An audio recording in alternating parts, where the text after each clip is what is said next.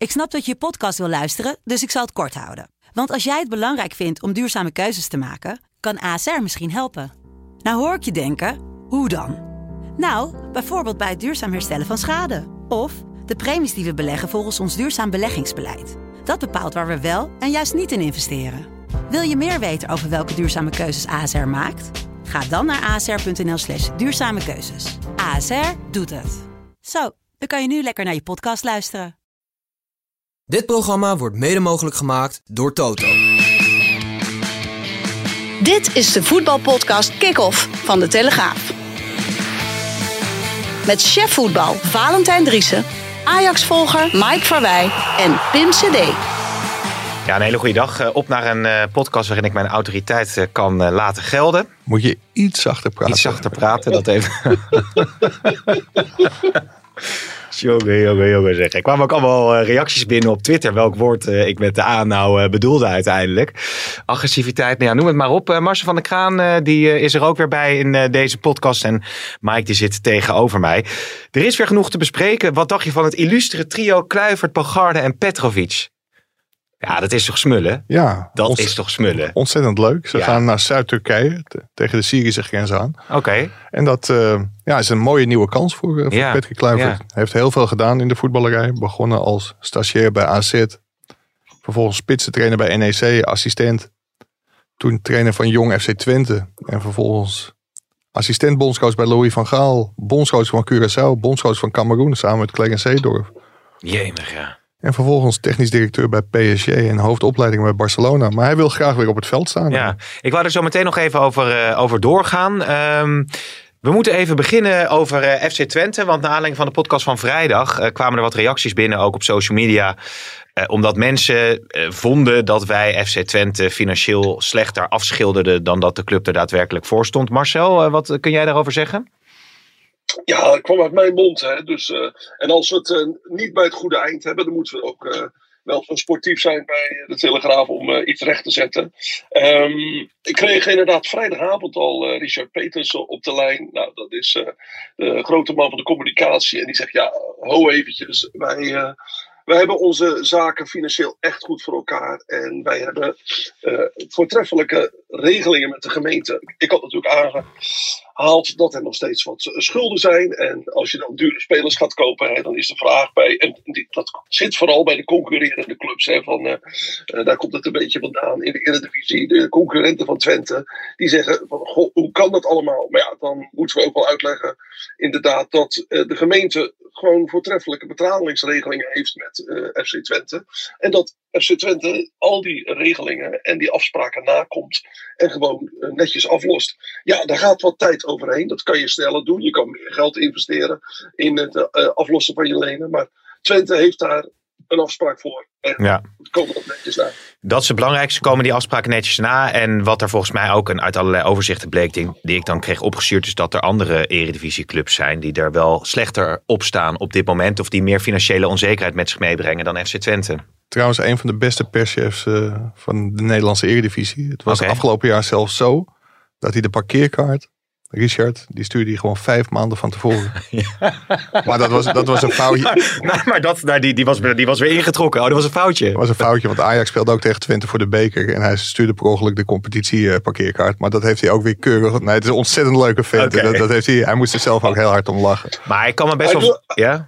Hij, hij doet wel zijn best voor zijn club, hè? dat blijkt uit alles. Want in onze podcast was nog niet afgelopen, hij stond nog niet op het eh, Ja. net. En hij belde me al. Hij zei: Ja, ik zit te luisteren natuurlijk. Dus eh, nou, hij- inderdaad, hij vertegenwoordigt zijn club eh, wer- werkelijk met verven. ja. Me- Maar- mede door Richard, een van de leukste clubs om altijd te komen. Nou, FC, FC Twente. Nou, nu, nu, nu, nu hebben we wel weer genoeg veren in, zijn- in zijn reet gestopt. Nee. Nou ja, maar ik wou zeggen, je hebt maar natuurlijk je ook... begint nu opeens heel hard te praten. Dat Oh is ja, niet oh goed voor je. ah, ah, ah, ah, ah. Maar ik wou zeggen, eh, als je de situatie bij Fortuna Sittard zag van, eh, van de afgelopen seizoen. Dat ze nog even onzekerheid hadden of ze wel op tijd eh, het geld überhaupt op de rekening hadden staan om ook eh, spelers te betalen. Ja, dat is dan wel een andere situatie dan bij FC. Die natuurlijk ook een geweldig seizoen hebben gehad. Mooie, mooie transfers, ook uitgaand maken. Ja, maar, maar het, het verschil zit natuurlijk in de irritatie zit bij de concurrerende clubs in de Eredivisie. De, de rol van de gemeente. En nou, daar kun je ook van alles van vinden. Maar er zijn duidelijke afspraken en men kleurt tussen de regeltjes, Ja. heeft tussen de lijntjes in. En als dat in orde is, dat, dan, ja, dan moeten wij dat gewoon bij deze rechtgezet hebben. Oké. Ja, Alleen, zijn, zijn, ook wel, club heeft zoveel steun. er zijn ook wel eens clubs die gebruiken dit geld dan gewoon om versneld af te lossen. En dat kan natuurlijk qua rente en zo allemaal weer een stuk voordeliger zijn. Twente kiest daar niet voor. Maar als zij zich aan alle betalingsregelingen houden, dan, eh, dan is dat prima. Ja, ja. Ehm, ja, Bijlo moeten we het even over hebben. Hè? Zoals eh Valentijn altijd zegt, Vincent Bijlo. Maar dit gaat om Justin Bijlo. ja, Vincent willen ze niet bij Manchester United. eh, denk ik. Schijnen ze niet in geïnteresseerd te zijn, nee. Maar dat d- d- daar s- eh, sloeg of slaat de schrik wel even om het hart van de Feyenoord-fans. Want dat is toch wel een van de pijlers van... ehm, hoewel Welleroy het natuurlijk goed heeft gedaan toen hij hem moest vervangen. Maar die zullen ze niet zomaar naar de uitgang willen begeleiden, hè Ma- Marcel? Nee, ik heb in het weekend natuurlijk wel eventjes eh, gepolst bij eh, de directie van Feyenoord. eh, Dennis de Kloeze. die is niet zo heel scheutig met commentaar. En wil ook niet in zijn kaarten laten kijken. Maar die heeft wel aangegeven. Luister, er komen nu allerlei dingen op ons af. En er is belangstelling voor onze spelers. Dat is ook logisch. Na een, geweldig seizoen waarbij je kampioen wordt. Alleen wij zijn geen, ik citeer hem letterlijk. We zijn geen sociale instelling. En daarmee doelde hij natuurlijk op het feit dat clubs in het buitenland denken dat ze bij Feyenoord spelers voor een prikje kunnen halen. En dat, eh, dat weten we nog niet wat het bij Bijlo betreft. We weten nog niet wat Manchester United werkelijk gaat doen. Gaan die een eh, echt een miljoenenbod uitbrengen? Ze schaken op nog meer borden, dat weten we ook. Ze kijken ook naar andere keeper. Daar, daar polsen ze ook wat die salaris moet zijn, wat die voor transfersom moet, moet kosten. Eh, nou, die, dat scheelt nogal behoorlijk, want Bijlo wordt geschat op een bedrag tussen de 20 en de 25 miljoen euro Mhm. eh, eh, aan waarde. Nou, ehm, Onana kost 60 miljoen. De keeper van FC Porto, eh, Costa, die kost 64 miljoen. Nou, dat zijn absolute topkeepers in Europa. Maar ja, drie keer zo duur, minimaal, als Justin Bijlo. Ja, ja, eh, er zijn meer spelers hè, waar op dit moment de belangstelling voor is. Ik kreeg nog een verhaal te horen dat er een eh, tussenpersoon, hè, dat zijn dan agenten die proberen even handig op eh, behoeftes van clubs in te spelen, die zijn niet eens. De agent van een speler, die meldde zich voor Pedersen van Feyenoord, de rechtsback. Nou, ja. en dan komt hij met een bod die zegt, ja, ik kan hem naar Wolfsburg brengen voor eh 3,5 miljoen. Ja, dan zegt, weet je wat de Kloeze dan zegt? Tuut, tuut, tuut, tuut. De groetjes van? Maar goed. Ja, nou dat, is, dat, zijn- dat zijn Heel oude tijden, hè? Ja, zeker. Eh, Ja. ja, maar en, en daar doelt hij natuurlijk ook op. Hè, met een, eh, we zijn geen sociale instelling. En, eh, Nou, dat, dat is niet als helemaal waar. Want ik, ik hoorde dat Feyenoord wel een subsidie krijgt vanwege Hein Keizer eh, als, als supporter op de... Ik moet wel lachen overigens even tussendoor. Want producer Hein die, die denkt jezus wat een boomers denkt hij. want die hoort ons tuut tuut tuut de groetjes van Ruud zeggen. Maar dat is eh, André van Duin. En Ja, over die deed Ruud- Ruud, Lubbers na. Dat was, eh, was eh, vrij epische televisie toen de tijd. Ja, de linksback van, eh, van Sparta dat. eh, ja. Maar misschien kun je, kun je dat even inmonteren. Even tuut, tuut, Ja, probeer even op te Ja, zoeken. je- Tuut, tuut, wel tuut, de groetjes van. Ruud. Mike, jij wil Maar- even aanhaken. Ja, over, Justin Bijlo. Die had natuurlijk de afgelopen uh, interlandperiode niet zijn allerbeste periode. Hoewel hij aan die tegengoals niet heel veel kon doen. Maar hij kreeg geloof ik acht ballen op doel, zeven tegengoals. Maar Bijlo is echt, vind ik, een uitstekende keeper. Alleen als je zijn blessuregevoeligheid ziet in de afgelopen jaren, Marcel. Hoe schat jij dat in in de Premier League? Is dat niet een nog veel zwaardere belasting? En neemt United daar dan geen risico mee? Nou, kijk, hij is niet eh, geblesseerd geraakt in de afgelopen jaren door een overbelasting of door een te zware belasting. Het is een, eh, een hele dappere keeper. Hij is een brave goalie, zeggen ze in Engeland eh, al over. Hij, hij gaat erin, en in het verleden, denk ik, met een bijna maniacale lef. En daar is hij wel wat wijzer in geworden. Hij, denkt misschien iets meer na dan in het verleden. En hij heeft ook een paar keer behoorlijk pech gehad. Ik, ik zie hem niet als een blessuregevoelige jongen. Het is eh, allesbehalve een jongen die van uh, porselein is. Want het is, uh, ik weet niet of je zijn vader wel, hebt, wel eens hebt gezien. Dat is een Ja, die hele, is ook bij het WK lopen. Zo. ja, nou, ja, dat is een, een bouwvakker, uh, Willem Bijlo, die, uh, waar je liever een blokje voor omdoet als je ruzie of woorden met hem krijgt. Dus, Ja. nou, en, en Justin is uit hetzelfde hout gesneden. Het is gewoon een oersterke, uh, fysieke, ja, een topkerel. En die ook heel bepalend is in de kleedkamer. Hè? Dat onderschat iedereen ook. Want afgelopen jaar was Orkun Kopje was de aanvoerder. En dat was omdat eh, Justin Bijlo eventjes eh, de bal niet om zijn arm wilde hebben. Om zich wat meer op zijn eigen Ja. fitheid, op zijn terugkeer te, te focussen. Maar neem van mij aan dat in die kleedkamer hij nog steeds behoorlijk het hoogste woord kan hebben. Als er dingen naar zijn ogen niet goed gaan in de groep. Dat is ook wel bepalend, hè? Sterke karakters. Ja. Hoe, hoe, heet die, hoe heet die trouwe luisteraar ook alweer, eh, Marcel? Die ook zo'n fan is van onze podcast. Feyenoord-fan. Dat, dat was toch ook zo'n klikkerkast? Daar liep je toch ook een blokje voor om, of niet?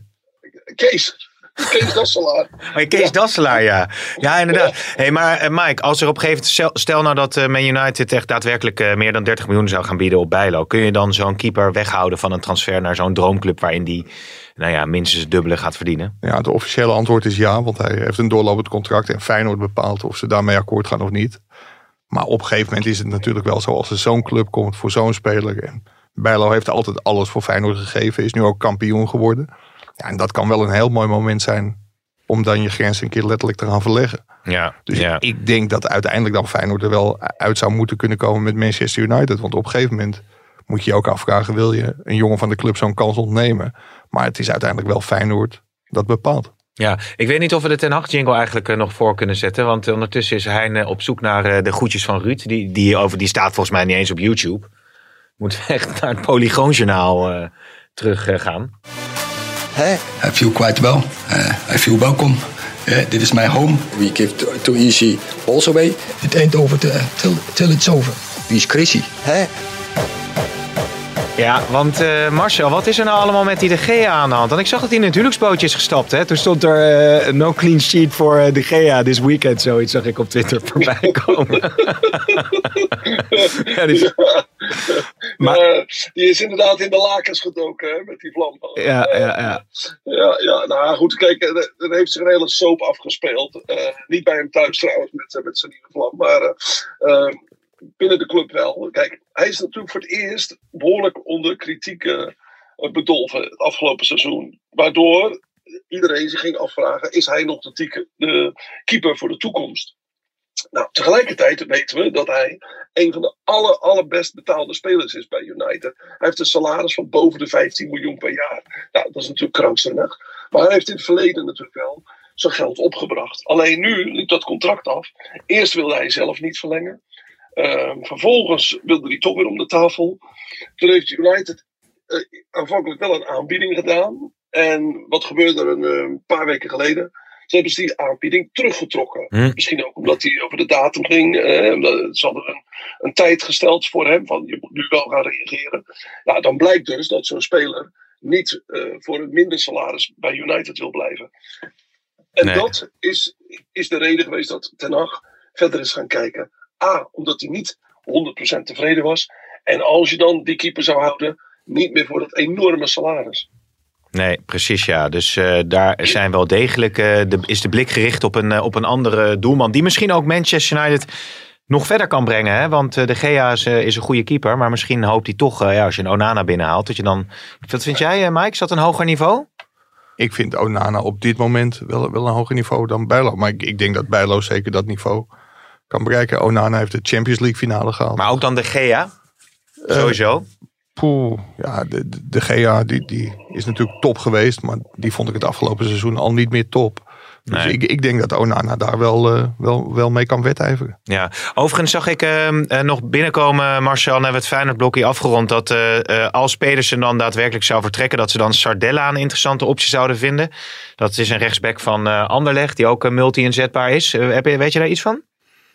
Ze hebben op dit moment gewoon per positie drie à vier spelers eh, klaarstaan om naar te kijken als mensen weggaan. Alleen, de club kijkt niet naar nieuwe spelers zolang er niemand weg is. Nee. En dat is een beetje eh, de situatie. Oké, laten we dan even naar eh, de stellingen gaan. Eh Kluivert, Bogarde, Petrovic, ja, dat is een garantie tot succes. Eens. Oneens. Deze week verkast Alvarez. Eh, oneens. Oneens. nou, dat is ook wat, die arme man. Ehm, Wout Weghorst zou een aanwinst zijn voor Nederlandse topclubs. Eens. Oneens. Uh, Spertjan eh, is eh, inderdaad op weg naar Ajax. Komt deze week. Wat denk je? Geen idee. Nee? Ben je het eens of oneens? Eh, Maar oneens. Ja. moet ik ook oneens zeggen. En eh Seedorf zou nog in betaald voetbal kunnen spelen. Oneens. Eens. Heb je die beelden gezien, Mike? Prachtig, hè? Ik hoorde Marcel trouwens eens zeggen, maar die, hij is nu 48 of zo? Ja, zoiets. Maar, nee, Ja, zo, maar- nee, zo oud is hij niet. Nee. Maar Eh, de Ja. vierde divisie is officieel ook betaald voetbal tegenwoordig. Hè? ja, oké, Dus, eh, oké. Maar ja. er, er waren beelden dat hij op het, eh, op het trainingsveld stond. Hij is 47, hij is van 1 april 1976. Dit, dit moet wel de fitste commissaris van de KNVB ooit zijn, denk ik. Marcel, of niet? Ja, maar eh, kijk, eh, dit soort leeftijden, is leuk voor keepers. Maar hij zou natuurlijk niet meer mee kunnen in, eh, op topniveau. Alleen praat je over een derde divisieclub. Nou, dan zal hij best op het middenveld veld nog een, een, rolletje kunnen spelen. Maar ik geloof niet dat hij daarvoor in training was. Hè. Nee, nee, nee, inderdaad. Overigens zag ik de paai ook vol in actie. Die lijkt ook weer in ieder geval fit en eh, op de weg terug. Denk je dat hij dat nog waar kan maken bij eh Atletico Madrid als hij weer helemaal fit is? Hij had even een prachtige goal gemaakt, ook nog daar. Maar toch moeite om, eh, om zich daar bij de eerste elf te spelen.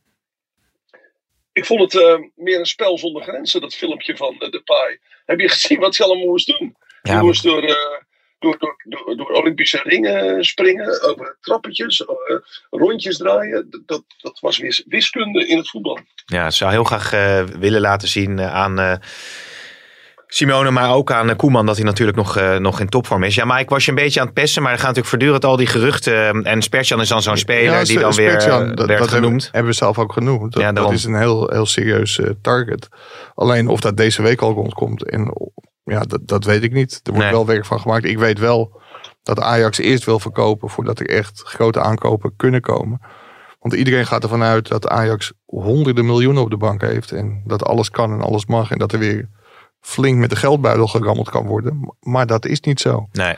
Ajax zal eerst het tekort van 45 miljoen dat ze mislopen door, of tenminste, ze ze lopen 45 miljoen mis door het ontbreken in de groepsfase van de Champions League. Ja, en dat is een enorme klap in de, in de financiële huishouding van Ajax. Dus ze zullen eerst moeten verkopen en dan een deel daarvan pas kunnen, kunnen besteden om nieuwe spelers te halen. En welke indruk heb jij zo gekregen van de eerste trainingsdagen eh, van de nieuwe trainer en zijn staf? Ja, we waren zaterdag voor het eerst sinds, eh, sinds tijden weer eens welkom bij een, bij een training van Ajax. En dat, dat was ontzettend leuk om dat ook te zien. Dan is het heel flauw dat er op allerlei sites dan beelden uitgehaald worden dat het Virus Maduro roept dat spelers op Ja, de medespelers op een goede been moeten wel- inspelen. wat- wat- ja, dat is een mooi beeld en dat, dat leer je op de F'jes. En als dat niet goed gebeurt, dan, dan, dan, Dan is er wat mis. Nou, ja, dan is er wat mis. Maar dan vind ik dat een assistent trainer daar ook wel spelers op moet kunnen aanspreken. En als daar dan, dan zie je weer koppen. Daar zijn ze altijd goed in eh, internet, ook, ook bij ons. Van ophef, eh, fans snappen er niks van, tumult, eh, verbazing. Nou, noem maar op. Maduro die gaf alleen aan dat ik op de goede, goede benen ingespeeld moest worden. ja. Maar waar doe je dan op? Dat hij, dat hij ook meteen zijn rol zou eh, pakken daar als eh, assistent eh, Nee, trainer? helemaal, helemaal niet. Maar dan gaat het viral dat Ajaxiden elkaar niet op het goede been, Ah, die eh, been spelen. ja, Ja, ja. dat is natuurlijk een, een momentje uit een training. Maar Maurice Stijn die was zichtbaar in zijn element. En na afloop kwam hij ook heel even bij de pers staan. En toen, eh, toen vertelde hij dat hij het allemaal niet zo moeilijk wilde maken als het soms, eh, soms gemaakt wordt. Ajax heeft een heel groot huisreglement. En ja, hij zegt, ik heb eigenlijk nooit met reglementen gewerkt. En Oh, wat zijn dat dan voor dingen waar hij vanaf wil? Bijvoorbeeld dat je in de medische ruimtes je telefoon niet mag hebben. Ja, zo zijn er tal van regeltjes bij het ontbijt, eh, telefoons weg. Nou, noem maar op. En Marie Stijn zegt, ja, ik heb altijd bij al mijn clubs gehanteerd. eh, gedraag je normaal. Want dat is, eh, dat is het minste dat je kunt doen. En als je je niet normaal gedraagt, dan grijp ik in. Dus dat is gewoon zeg maar zijn enige regel. Normaal gedragen. Dus Ja. hij, hij ja, gooit wel wat dingetjes overhoop bij Ajax. En hij gaat ook weer meer trainingen toegankelijk maken. Gaat ook weer meer persconferenties geven. En ja, dat is allemaal wel heel hoopgevend. Maar hij wil een beetje de, de spanning en de druk eh eraf halen. Nou ja, Dat is een beetje, eh, voor zover dat mogelijk is in Amsterdam. dat, dat zal hij zelf wel ervaren, denk ik. Dat, eh, dat die druk, zeker na één of twee nederlagen, er heel snel weer, weer op zit. Maar hij staat er wel heel ontspannen in. Hij zegt, ik ben zo goed als mijn, eh, als mijn spelersgroep. Dus ik ben wel afhankelijk van de kwaliteit die ik van, eh, van Sven Mislintat krijg. Dus ook Maurice Stijn kijkt wel, eh, wel naar de transfermarkt wat daar gaat gebeuren. Want op dit moment is de Ajax-selectie echt nog niet goed genoeg. En voor hem wordt het heel interessant om te zien wie er weggaan. Hij heeft nog steeds de hoop dat Kudus zou kunnen blijven. Maar Alvarez en Timber gaan normaal gesproken weg. En daar zullen echt heel goede vervangers voor moeten komen. Ja, want als je een beetje in zijn hoofd kan kijken. Het is natuurlijk nog allemaal heel vroeg. Hè, maar hij had volgens mij ook al iets gezegd over het realistisch spelen in, uh, in Europa. Uh, dat, dat, dat, dat als het nodig is, dat hij dat dan ook zou doen. Maar als je, als je de contouren zou moeten schetsen van het Ajax dat hij voor ogen heeft. Heb je daar al enig beeld bij? Nee, daar, daar is één training tekort voor. Binnenkort gaan ze een week naar Herzogenaurach. Het, oh ja. het huis van Adidas in Duitsland. Ja. En daar zal wel, dat zijn altijd leuke momenten om ook een ploeg een paar dagen te kunnen volgen. En dan, dan zal er wel meer duidelijk worden over de speelwijze van, van Maurice Stijn. Ja. Wat hij voor ogen heeft. Maar dat hij een, eh, een realistische coach is. En volgens Mislintat is hij aangesteld omdat hij een overperformer is. Oh ja. Ja, dan uh, moet je bij Ajax uh, beetje- sowieso, sowieso eerste worden, denk ik. Beetje Hugo de Jonge, hè? Die is ook altijd aan het overperformen. Maar goed, dat allemaal eh, geheel eh, terzijde. Maar ik vind jou nu ook best, weet, eh, je, best goed. weet je wat wel aardig is? Over die, eh, die huisregels, dat hij die overboord heeft gekeeperd. Dat vind ik echt heel goed. Hè? Want daar Ja. gaan sommige trainers heel ver in. Bij zijn vorige club, bij Sparta, hadden ze een aantal jaren geleden Wiljan Vloed in dienst, weet je nog? En je weet toch wat er toen gebeurde als de jongens aankwamen met een auto. En met de helft van de selectie werd teruggeroepen uit de kleedkamer. Want hij had gezien dat de auto's niet met de koplampen eh, in het parkeervak naar voren stonden. Ja. Moesten el- elke dag moesten de auto's met eh, één richting eh, in de parkeervakjes gezet worden op het trainingscomplex. Nou, daar ging Sparta wel een stuk beter van spelen hoor.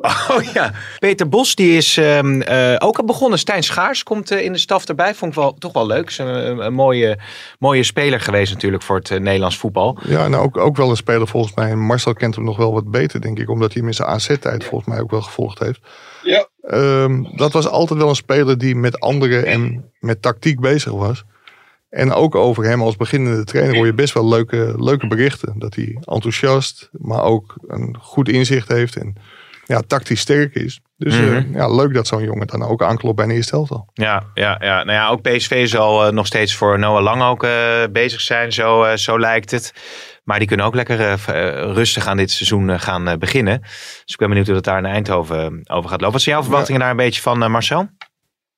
Nou, ik vind het echt een hele goede aanstelling hè, dat Peter Bos eh, hem erbij haalt. Want je haalt ook een, ehm, een trainer erbij die ja, heel normaal is. En, eh, geen, niet van fratsen houdt, niet van allerlei rare dingen in de voetbalcultuur houdt. Eh, die, die houdt jongens echt met hun benen, beide benen op de grond. En nou ja, als je misschien een type als Noah Lang binnenkrijgt, en, en ze hebben nog een paar van dat soort mannetjes misschien in de selectie, nou, dan zorgt Stijn Schaars er wel voor dat ze een beetje in de pas eh, blijven lopen. En. Dat vind ik best wel grappig. En Peter Bos is natuurlijk een van de meest aanvallende coaches in Nederland. eh, van het Nederlandse trainersgilde.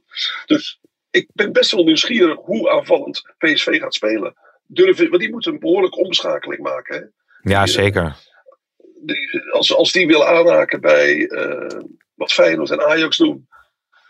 Ja, dan, dan, dan moet er best wel wat veranderen daar. Ja, Romero overigens, die eh, zullen ze nog eh, langer eh, gaan verhuren. Dat is ook zo'n speler waar ze, waar ze niet, eh, niet echt van afkomen. Uh, Guti is nu wel eh, definitief eh, verkocht, eh, had ik eh, begrepen, naar Mexico. En ook PSV zou interesse hebben in die Belen, hè, die Thomas Belen. Dat is een, ehm, een eh, getalenteerde speler, maar kijk hoe dat verder gaat. Een andere getalenteerde speler, nou dat zijn broers eigenlijk. Dat zijn die van de Berg, Marcel. Want de ene die is toen naar Liverpool gegaan, maar zijn broer die is ook lekker bezig, hè? Ja, Sepp was natuurlijk destijds al een verras, vrij grote verrassing. Dat hij in één keer als centrale verdediger naar Liverpool ging van Pek Zwolle. En uh, nou, inmiddels is hij wel verhuurd natuurlijk. Hij heeft het afgelopen anderhalf seizoen volgens mij bij uh, Schalke gespeeld. En toch komt zijn, zijn broertje, uh, die pas 18 is, Raf van den Berg, Mhm. nu ook in aanmerking voor uh, het Engelse voetbal. En die, als ik het goed begrepen heb, is hij zojuist geland in uh, het noorden van Engeland. En zit hij vandaag om de tafel met Middlesbrough. Die club is behoorlijk gek van hem. Daar zit Michael Carrick, dus Ja. de oude assistent van Louis van Gaal. Ja. Die, heeft, die is behoorlijk onder de indruk van hem. Ook Jonathan Woodgate, dat is een voormalige centrale verdediger van Newcastle United, het Engels elftal. Nou, die hebben allebei geweldige gesprekken met hem gevoerd. Die zijn enthousiast over hem. En waarom gaan dat soort clubs nou allemaal voor die Nederlandse uh, centrale verdedigers? Omdat ze allemaal lang zijn. Ze zijn groot. Ze moeten natuurlijk wel kunnen voetballen. Uh, deze jongen, daar zien ze potentie in. Uh, een speler die een paar ton moet kosten Ja, dat is voor dat soort clubs peanuts. Want ze krijgen zoveel televisiegeld. En dan kunnen ze best een gokje voor wagen. Al zijn ze er, wat ik heb begrepen, van het management van die, van die speler uh, echt onder de indruk van hem geraakt. Hij speelt natuurlijk al bijna twee jaar, ook bij PEC Zwolle. Hè. Ik geloof dat hij op zijn zestiende al debuteerde. En uh, staat niet altijd, uh, of, niet, niet, niet overdreven veel in de basis. Maar zit altijd bij de selectie en heeft behoorlijk wat wedstrijden al achter zijn naam staan. Ja, en, En en ja, best leuk. een championship spelen zij toch, Middlesbrough of niet? Ja, Ja. in de IFL. Ja, oké, oké. Hey, dan nog heel eventjes, ja, misschien dat we dat kunnen, kunnen begeleiden met een mooie James Las. Want het was toch een beetje een, een verhaal eh, nou ja, van het afgelopen weekend, eh, Mike, over eh, Patrick Kluivert. Sommigen zullen misschien ook wel een beetje staan te kijken van, hey, is hij nou een, een, een hoofdtrainer hè, die op dit niveau, want we spelen volgens mij echt in de, in de Turkse subtop, hè, nummer 4-5 van het afgelopen seizoen. Ja, is, is, kan hij dat denk je aan met, eh, met deze staf? Ja, dat denk ik wel. Hij, hij is bondscoach van, eh van Cameroen geweest, Curaçao. Maar hij heeft ook in de keuken gekeken bij AZ, bij FC Twente. En hij heeft natuurlijk als speler enorm veel ervaring. Of hij zelf eh, ja, de hoofdcoach is. Het is wel een enorme people manager. Mensen die met hem hebben gewerkt bij al die clubs waar hij heeft gelopen. Die zijn heel enthousiast over hem. Ja, en dan vind ik het heel slim om daar een ervaren trainer als Petrovic bij te halen. En ook Winston Bogarde heeft natuurlijk als assistent van Erik ten Hag wel zijn waarde bewezen. Het is wel leuk voor Bogarde ook, ja, ook voor Petrovic natuurlijk, dat die dan ook weer in het kielzog zo eh, mee kunnen. Want eh, ze hadden allebei geen club op dit moment volgens mij. Hè? Nee, en dat is mooi. En het is ook te hopen dat Kluivert het heel goed gaat doen in Turkije. Kijk, hij zei ook eh, vanochtend bij ons in de krant. Van ja, de verwachtingen zijn na een vierde plaats van vorig seizoen natuurlijk enorm hoog gespannen. En dat, dat geeft wel druk. Maar uit zijn carrière is hij, eh, is hij dat wel gewend. En daar loopt hij ook niet voor weg. Het is natuurlijk wel een beetje tricky, want je moet niet drie keer verliezen. Want dan Nee. kun je zomaar weer op straat staan in Turkije. Maar het is een mooie uitdaging en het zou heel leuk zijn als hij het goed doet. Want dat is ook weer goed voor het Nederlandse trainerschilde. Je zegt terecht, Bogarde en Petrovic die kunnen mee in het kielzog van Kluiver. Die hebben ook weer een, eh, een baan. Mhm. Ja, en dat is toch leuk. Nederlandse trainers in het buitenland. Ja, het is trouwens wel weer tijd om dan misschien een keertje Petro eh, in te bellen. Kijken of hij weer op de wc zit, weet je nog? Ja, zeker. Was, eh, was vorige keer. Was wel mooi, ja. Maar goed, eh, heb jij er nog specifieke gedachten bij, eh, Marcel? Want het is wel een mooi trio, hè, wat daar aan de slag gaat. Ja, het is eh, een trio met enorme namen natuurlijk. En dan snap je ook wel dat ze in het buitenland bij dit soort jongens terechtkomen. Ik vind het wel zonde dat al dit soort trainers, want zo lang lopen ze nog niet mee in het uh, trainerschilde. Ook al heeft uh, Patrick Kluivert behoorlijk wat clubs al achter zijn naam staan. Maar dit soort mensen, die zie je eigenlijk toch het liefst gewoon in de eredivisie. Die geven kleur. Eh, maar dat gebeurt dus niet. Men kiest hier soms eh, voor de meest vreemde namen, ook weer uit het buitenland. Hè? Of het nou Ibala is of zo'n zo, zo Spaanse coach bij Fortuna. Mm-hmm. Je denkt eigenlijk van, jongens, laat deze mannen gewoon een paar jaar in de Eredivisie werken. Ja. En dat gebeurt niet, vind, vind ik jammer. En ja. in zo'n Turkse competitie, wat Mike zegt, je weet het niet joh. Als je een paar keer verliest en uh, de, de, de, de, de, de flessen en de glazen vliegen om je oren, dan kan het ook zomaar weer afgelopen zijn. En dan moet je ook nog gaan kijken of je je geld wil krijgen. Ja. Overigens uh, is Qatar zo slecht nog niet. Want die hebben met 1-0 van, uh, van Mexico uh, gewonnen in de, in de Gold Cup. En Jiménez heeft de voor open goal uh, gemist. Dus ja. dat, vergroot, dat vergroot de kansen misschien dat hij volgend seizoen nog in Rotterdam speelt. Jiménez kwam ook goed weg met die, met die klap ja. die uitdeelde, ja. vond ik. Dat leek me een rode kaart, maar daar, daar kwam, hij, kwam hij mee weg. Maar dat, het is tijd voor vakantie. Jiménez heeft een fantastisch seizoen achter de rug. Een van de pijlers onder het kampioenschap van Feyenoord, denk ik. Maar ik denk dat deze Gold Cup net iets te veel, ja. uh, te veel van het goede was. Maar voor de Feyenoord supporters alleen maar goed. Want als hij daar nou ook nog vijf keer gescoord had. Uh, dan uh, denk ik dat hij was opgehaald aan het eind van de zomer. Ja, en, da en daar had hij ook een stuk langer doorgemoeten. Hè, want... Nou ja, ik, ik vind vooral het leuk voor, voor Qatar. Hè? dat, met dat, nou ja, goed. Maar dat allemaal geheel terzijde. Hebben we ook nog zien voetbal. Was ook zo'n schitterende wedstrijd, weet je nog? Nederland-Qatar. Heb jij nog contact met Lady, of niet? Ik heb met, met Hassan heb ik nog contact. De taxichauffeur die zo fan was van Kluivert. Dat is ook nog wel leuk. Misschien kunnen we naar Turkije sturen. Ja, nou ja, inderdaad. Ja, dat zou wel, zou wel weer mooi zijn. Um, nog het laatste nieuwtje wat ik even wilde meenemen. Marcel, die is dan voor jou. Goes, Jelle Goes. Is dat ja, inmiddels definitief? Heel verrassend, hè? Ja, die wordt uh, de nieuwe manager uh, voetbalzaken, die over een heleboel dingen gaat om Dennis de Kloeze te ontlasten. En dat is een verrassende aanstelling, want hij heeft de afgelopen jaren best wat verschillende clubs ge- gehad. Hij heeft volgens mij nooit bij een topclub gewerkt. Wel de UEFA, FC Utrecht. Ja. En, eh, dus eh, het wordt interessant om te PSV zien gezeten? hoe hij dit gaat doen. Weet ik niet of hij, eh, of hij bij eh, PSV heeft gezeten uit mijn hoofd. Maar hij wordt een beetje van een Arnezen dan de, de, de opvolger. Zo moet je daarbij... eh, Nee, Jelle goes to Feyenoord. eh, maar dat is heel slecht. Oh jee, maar geen. Dan wordt het bijna tijd voor het einde van deze podcast. Ja, maar we, we hebben nog wel een paar dingen te bespreken. Wat wil jij nog eh, bespreken? Nou, we krijgen net een tip dat eh, in Engeland Mickey van der Ven gesignaleerd. Oh, ja, dan is mijn vraag natuurlijk. Waar dan? Nou, hij wordt met meerdere clubs in, eh, in verband gebracht. Er schijnt contact te zijn met, met Tottenham Hotspur. Maar ook, Mhm. ook de naam van Liverpool zingt rond. Hij stond ook in de belangstelling van, van Bayern München. Dus ik, eh, ik hoop voor die jongen dat hij een hele mooie transfer gaat maken. In tegenstelling tot de rest van Jong Oranje. Best een aardig EK. Achter de rug, hoewel ik wel vond dat hij ook eh, wel heel passief eh, stond toe te kijken bij, dat, eh, bij de doelpunt van Georgië. Maar Van der Ven speelde goed. En hij heeft een fantastisch seizoen stond, bij er stonden er zeven toe te kijken. Hè, maar- ja, dat was, Ja. leek, wel, leek wel een eh, Godsamme. slalom van Alberto Tomba. eh. Domino show eh, bij Talpa was dat eh, was echt onge- ongekend. Dat heb ik zelden ooit bij Jong Oranje gezien. Dat zoveel spelers tegelijk eh, er een potje van maakten. Ja. Maar het is wel weer zo'n grote jongen, hè, zo'n grote centrale verdediger. En Waar ze in snel. Engeland echt naar kijken. In dat opzicht vind ik het nog bijzonder dat Jurien Timber eh, door Arsenal is opgehaald. Als je ziet dat al die andere clubs grote, inderdaad snelle, eh, fysiek sterke verdedigers halen. Ja. Al hoorde ik gisteren dat Timber, ehm, de Arsenal-fans verwachten dat hij rechtsback wordt bij Arsenal. Oh ja? Oké. Ja, dat, verraste mij ook wel een beetje. Misschien eh, zijn ze niet goed geïnformeerd. Ik denk dat uh, Julian Timber centraal wil spelen. Hoewel Ja. hij niet onbekend is, hè, Mike, met die Nee, hij heeft zelfs in het Nederlands zelf ook, ook wel rechtsback gestaan. Dus die positie kan hij goed invullen. Hij kan ook op het middenveld, nou, daar zal hij bij Arsenal niet voor in aanmerking komen, denk ik. Maar het is als verdediger natuurlijk wel prettig als je twee posities hebt. Maar zijn voorkeur zal ongetwijfeld naar het centrum uitgaan. Ja, dus wellicht een mooie transfer eh, voor eh, Mick van der Ven. Ja, je zei, ik heb een aantal dingen. Wat overigens wel aardig is, is dat eh, David Beckham met dat Inter Miami, eh, Inter Miami lekker aan de weg aan het timmeren is. Eh, Busquets heeft hij dan eh, binnengehaald. Messi heeft hij natuurlijk binnengehaald. Ramos zou er dan ook interesse in hebben. Jordi Alba wordt er genoemd, dus die is daar een mooie enclave aan het neerzetten. Eh, de, laatste, de laatste rondes, jongens. Marcel, heb jij nog zaken vanuit je auto? Nou, als ik al die namen hoor en die leeftijden optel, dan kan Clarence Seedorf daar ook nog wat tussen bij eh, ja. Inter Miami. Ik vraag aan Hein, heb je de, de groetjes van Ruud nog gevonden of niet? Oh, nou dan ben ik wel heel benieuwd. Tuut, tuut, tuut. De groetjes van Ruud. Zo was die, hè? Ja. Ja, ja, nou, dat is een mooi fragment zo.